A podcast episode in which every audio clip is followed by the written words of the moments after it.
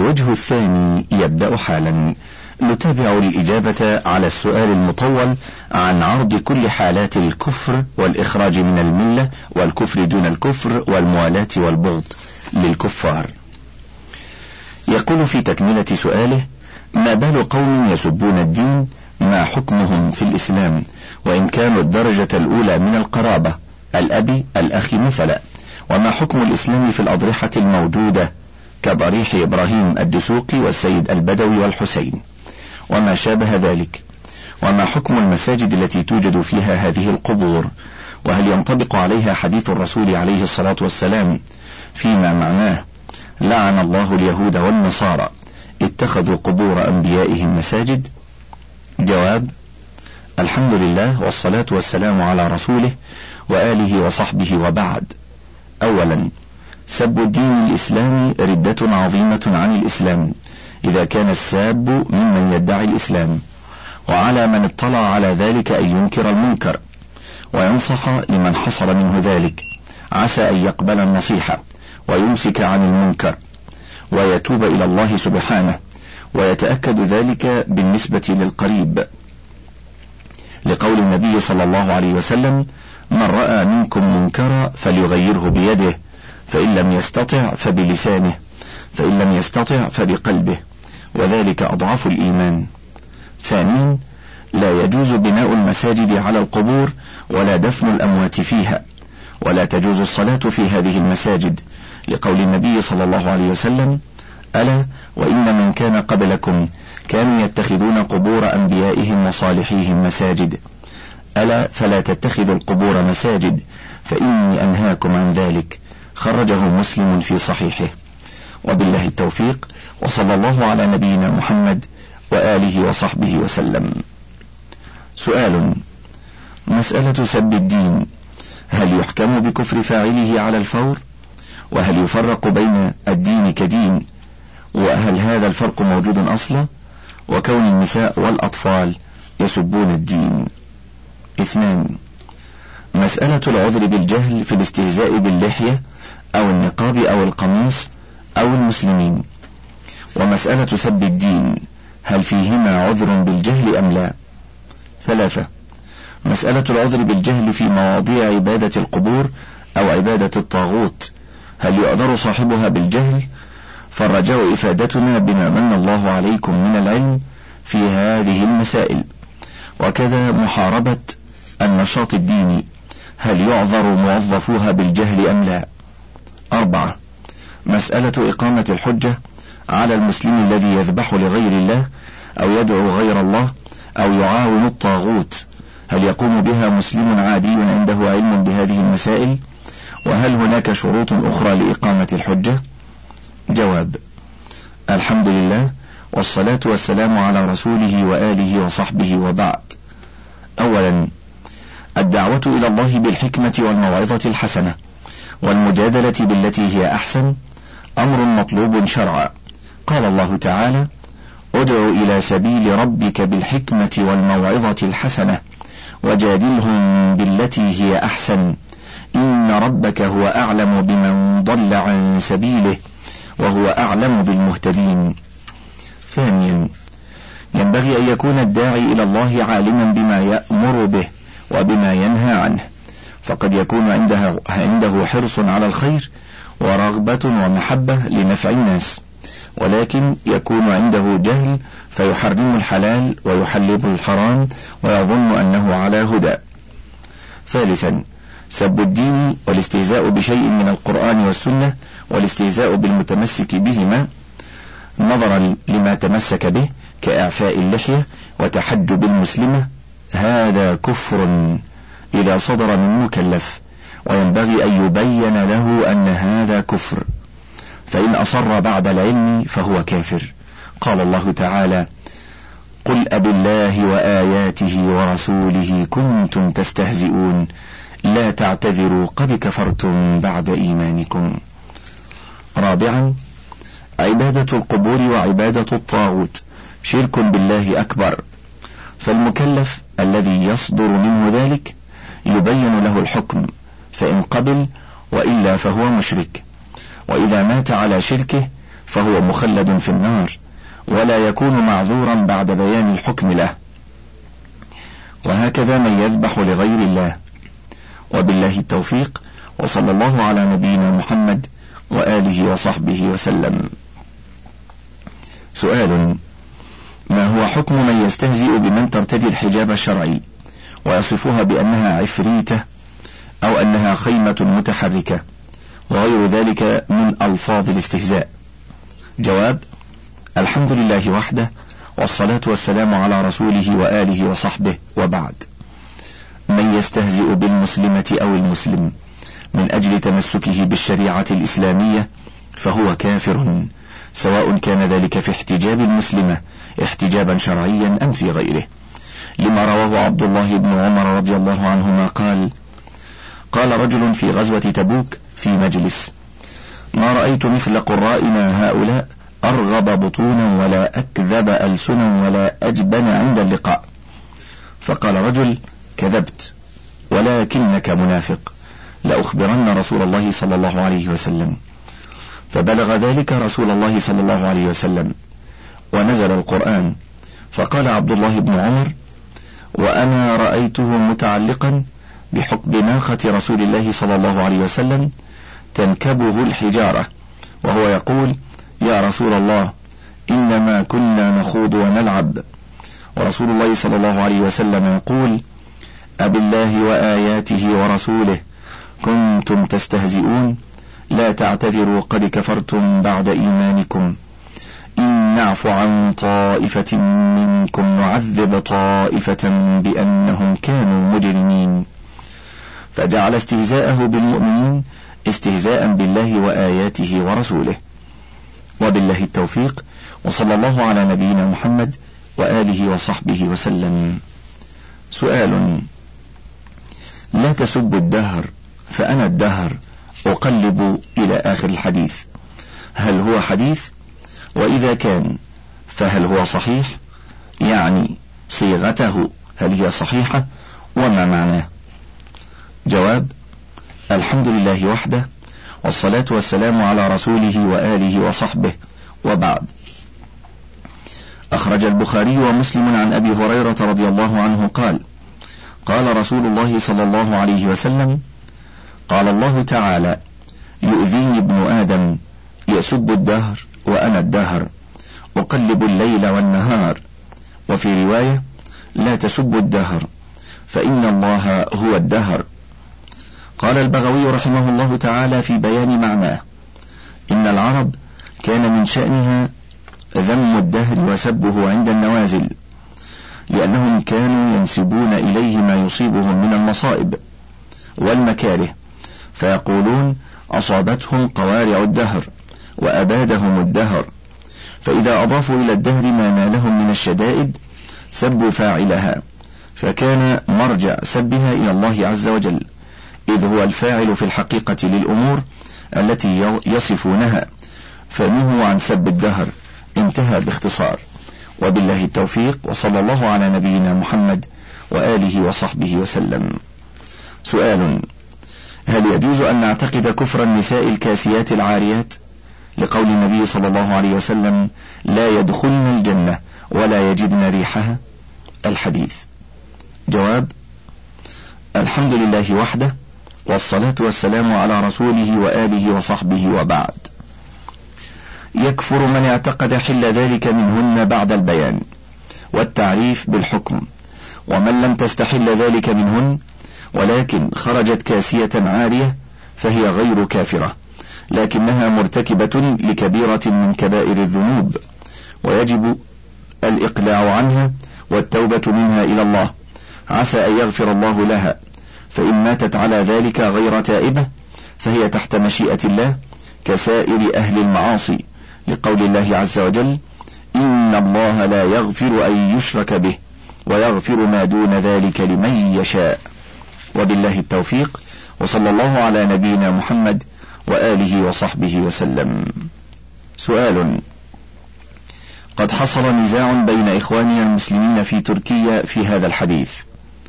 من حلل حراما أو حرم حلالا فقد كفر. هل يعد من حلل حراما أو حرم حلالا من الكافرين أو من المذنبين؟ وما معنى قوله كفر في الحديث؟ أوليس بينه وبين كلمته كافر فرق؟ نرجو من سماحتكم جوابا مقنعا كافيا شافيا في هذا الحديث. جواب الحمد لله والصلاة والسلام على رسوله وآله وصحبه وبعد. أولا هذا الحديث لا نعلم له أصلا ولا نعلم أحدا من الأئمة المعتبرين أخرجه لا بإسناد صحيح ولا ضعيف فلا يعول عليه والحال ما ذكر. ثانيا إذا خالف مسلم حكما ثابتا بنص صريح من الكتاب والسنة لا يقبل التأويل ولا مجال فيه للاجتهاد أو خالف إجماعا قطعيا ثابتا بين له الصواب في الحكم فإن قبل فالحمد لله وإن أبى بعد البيان وإقامة الحجة وأصر على تغيير حكم الله حكم بكفره وعومل معاملة المرتد عن دين الإسلام. مثال ذلك من أنكر الصلوات الخمس أو إحداهن أو فريضة الصيام أو الزكاة أو الحج. وتأول ما دل عليها من نصوص الكتاب والسنة ولم يعبأ بإجماع الأمة. وإذا خالف حكما ثابتا بدليل مختلف في ثبوته أو قابل للتأويل بمعان مختلفة وأحكام متقابلة فخلافه خلاف في مسألة اجتهادية فلا يكفر بل يعذر في ذلك من أخطأ ويؤجر على اجتهاده. ويحمد من أصاب الحق ويؤجر أجرين أجرا على اجتهاده وأجرا على إصابته. مثال ذلك من أنكر وجوب قراءة الفاتحة على المأموم ومن قال بوجوب قراءتها عليه. ومن خالف في حكم صنع أهل الميت الطعام وجمع, وجمع الناس عليه فقال إنه مستحب أو قال إنه مباح أو إنه مكروه غير حرام. فمثل هذا لا يجوز تكفيره. ولا إنكار الصلاة وراءه ولا تمتنع مناكحته ولا يحرم الأكل من ذبيحته بل يجب مناصحته ومذاكرته في ذلك على ضوء الأدلة الشرعية لأنه أخ مسلم له حقوق المسلمين. والخلاف في هذه المسألة خلاف في مسألة فرعية اجتهادية. جرى مثلها في عهد الصحابة رضي الله عنهم وأئمة السلف ولم يكفر بعضهم بعضا ولم يهجر بعضهم بعضا. وبالله التوفيق وصلى الله على نبينا محمد وآله وصحبه وسلم. سؤال لقد صرح القرآن الكريم بتكفير أهل الكتاب إلا الذين آمنوا برسالة محمد صلى الله عليه وسلم القرآن. أما الذين قالوا من اليهود إن عزيرا ابن الله ومن الذين قالوا من النصارى إن المسيح ابن الله والعياذ بالله. فقد صرح القرآن الكريم بتكفيرهم لقد كفر الذين قالوا إن الله ثالث ثلاثة الآية. ولكن مع هذه الحجة القطعية وجدنا بعض الناس يقولون إن أهل الكتاب ليسوا كفارا إنما كانوا أهل الكتاب فقط. أفيدونا عن هذه المسائل؟ جواب الحمد لله والصلاة والسلام على رسوله وآله وصحبه وبعد. من قال ذلك فهو كافر. لتكذيبه بما جاء في القرآن والسنة من التصريح بكفرهم. قال الله تعالى يا أهل الكتاب لم تكفرون بآيات الله وأنتم تشهدون؟ الآيات من سورة آل عمران. وقال لقد كفر الذين قالوا إن الله هو المسيح ابن مريم. الآيات من سورة المائدة. وقال لقد كفر الذين قالوا إن الله ثالث ثلاثة. الآيات من سورة المائدة. وقال وقالت اليهود عزير ابن الله وقالت النصارى المسيح ابن الله ذلك قولهم بأفواههم يضاهئون قول الذين كفروا من قبل. قاتلهم الله أنا يؤفكون. الآيات من سورة التوبة. وقال تعالى لم يكن الذين كفروا من أهل الكتاب والمشركين منفكين حتى تأتيهم البينة. الآيات من سورة البينة. وقال قاتلوا الذين لا يؤمنون بالله ولا باليوم الآخر ولا يحرمون ما حرم الله ورسوله ولا يدينون دين الحق من الذين أوتوا الكتاب حتى يعطوا الجزية عن يد وهم صاغرون. إلى غير ذلك من الآيات الكثيرة. وبالله التوفيق وصلى الله على نبينا محمد وآله وصحبه وسلم. سؤال في بلادنا فطاني بجنوب تايلاند مشاكل كبرى على مسألة اتخاذ الطعام من أهل الميت. فأرجو من سماحتكم إفادتنا بالإجابة على هذه المسألة وعلى المسائل الآتية. أحكام التكليف واجب مندوب جائز مكروه ومحظور. جواب ما هو الحكم على من أنكر الأحكام المذكورة؟ بأنه قال في الواجب بالمندوب أو المباح أو المكروه أو المحظور. وفي المندوب بالواجب أو المباح أو المكروه أو المحظور. وفي المباح بالواجب أو المندوب أو المكروه أو المحظور. وفي المكروه بالواجب أو المندوب أو المباح أو المحظور. وفي المحظور بالواجب أو المندوب أو المباح أو المكروه. وبعض الأمثلة لذلك. قال العلماء العالمون عزيز المستمع لا زلنا في صياغة السؤال.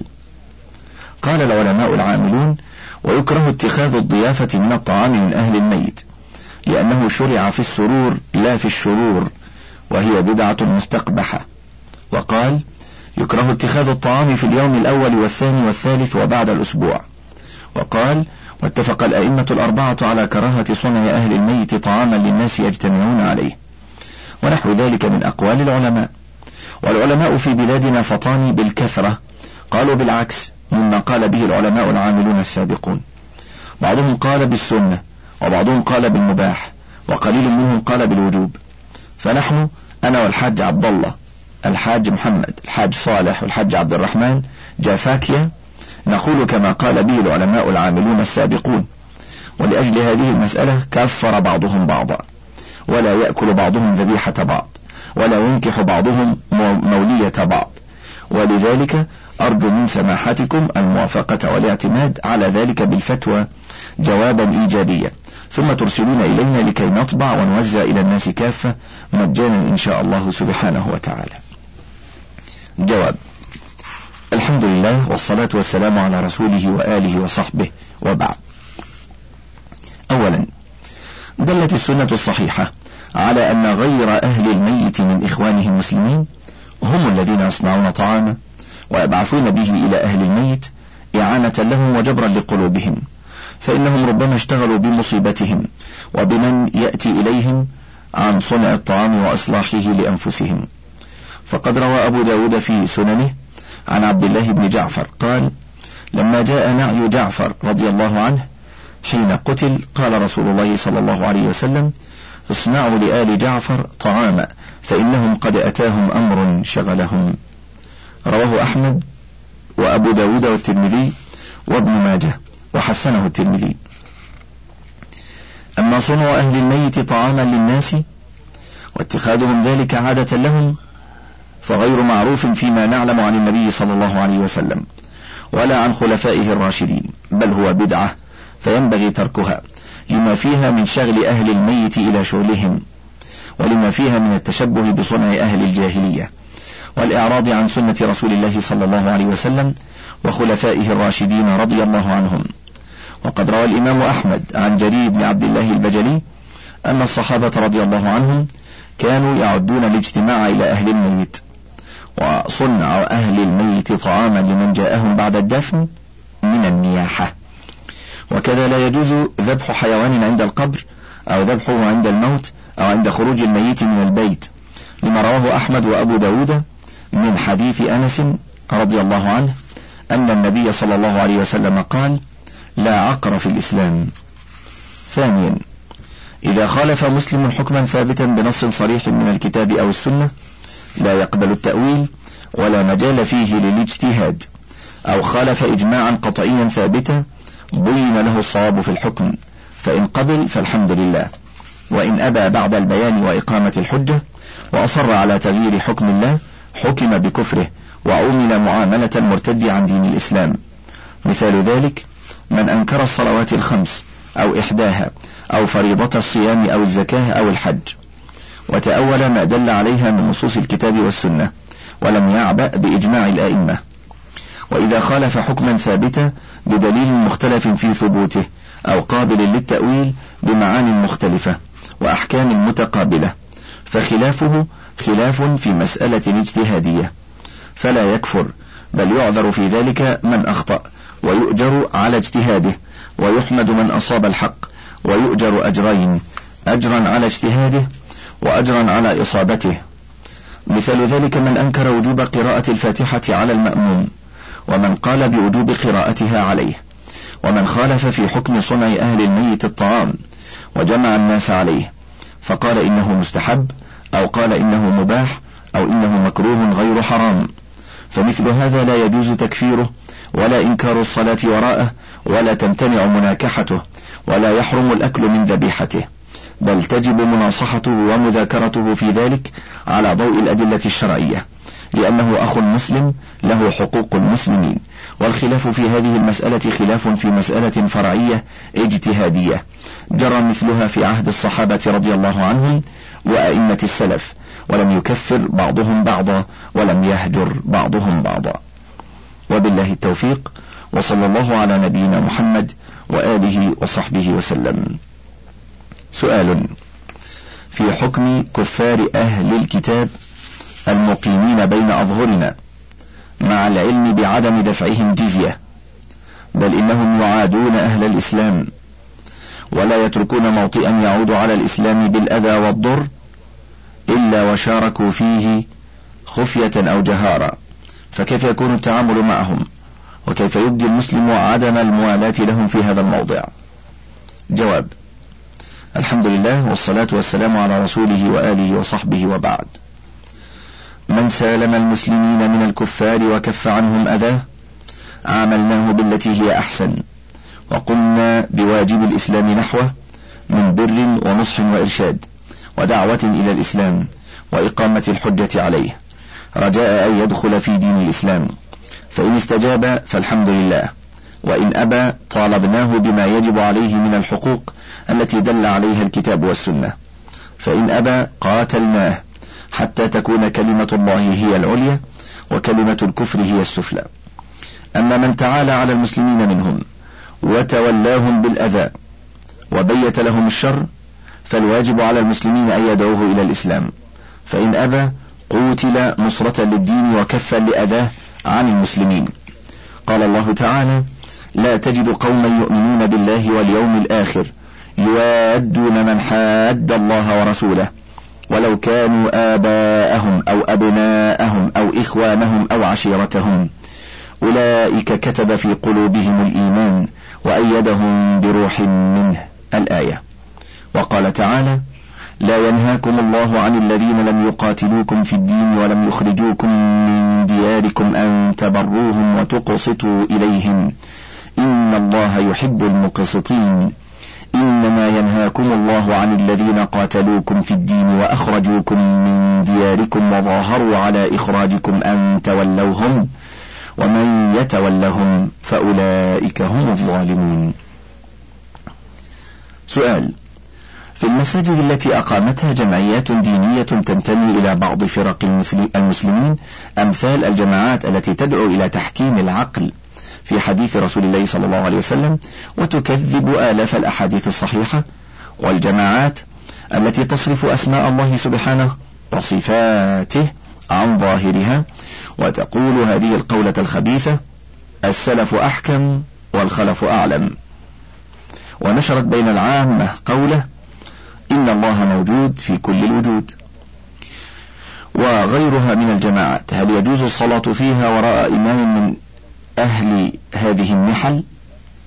وماذا لو أظهر أحد أئمة أو واحد من هذه المساجد التراجع عن هذا؟ فهل علي أن أطالبه بالتبرؤ من الانتساب لهؤلاء القوم أم أنني أكتفي بقوله؟ جواب الحمد لله والصلاة والسلام على رسوله وآله وصحبه وبعد.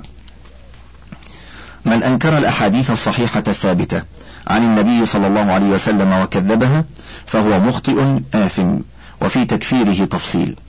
ومن تأول الآيات والأحاديث الدالة على أسماء الله وصفاته وصرفها عن ظاهرها وقال إن مذهب السلف أحكم وأسلم وإن الخلف أعلم فهو مخطئ في قوله إن الخلف أعلم. فإن السلف أعلم بكتاب الله وسنة رسوله صلى الله عليه وسلم وأفقه لهما وأفهم للمقصود شرعا من الخلف ومذهبهم أحكم وأسلم من مذهب الخلف. ومن قال إن الله في كل مكان بنفسه وذاته فهو حلولي خاطئ كافر. ومن قال إن الله في كل مكان بعلمه لا بذاته فهو مصيب. ومن غلا فأنكر جميع الأحاديث الصحيحة عن النبي صلى الله عليه وسلم. ولم يؤمن إلا بالقرآن فهو كافر. لا تجوز الصلاة وراءه ولا تصح. وكذا من غلا في تأويل نصوص الأسماء والصفات والمعاد حتى قال بوحدة الوجود أو بوجود الله وجودا كليا في الأذهان لا في خارجها أو بالمعاد الروحاني لا الجسماني فهو كافر. لا تصح الصلاة خلفه. ومن تاب من هؤلاء قبلنا توبته ووكلنا سريرته إلى الله. وبالله التوفيق. وصلى الله على نبينا محمد وآله وصحبه وسلم. سؤال. يقول رجل لا إله إلا الله محمد رسول الله ولا يقوم بالأركان الأربعة الصلاة والزكاة والصيام والحج ولا يقوم بالأعمال الأخرى المطلوبة في الشريعة الإسلامية. هل يستحق هذا الرجل شفاعة النبي صلى الله عليه وسلم يوم القيامة بحيث لا يدخل النار ولو لوقت محدود؟ الحمد لله وحده والصلاة والسلام على رسوله وآله وصحبه وبعد.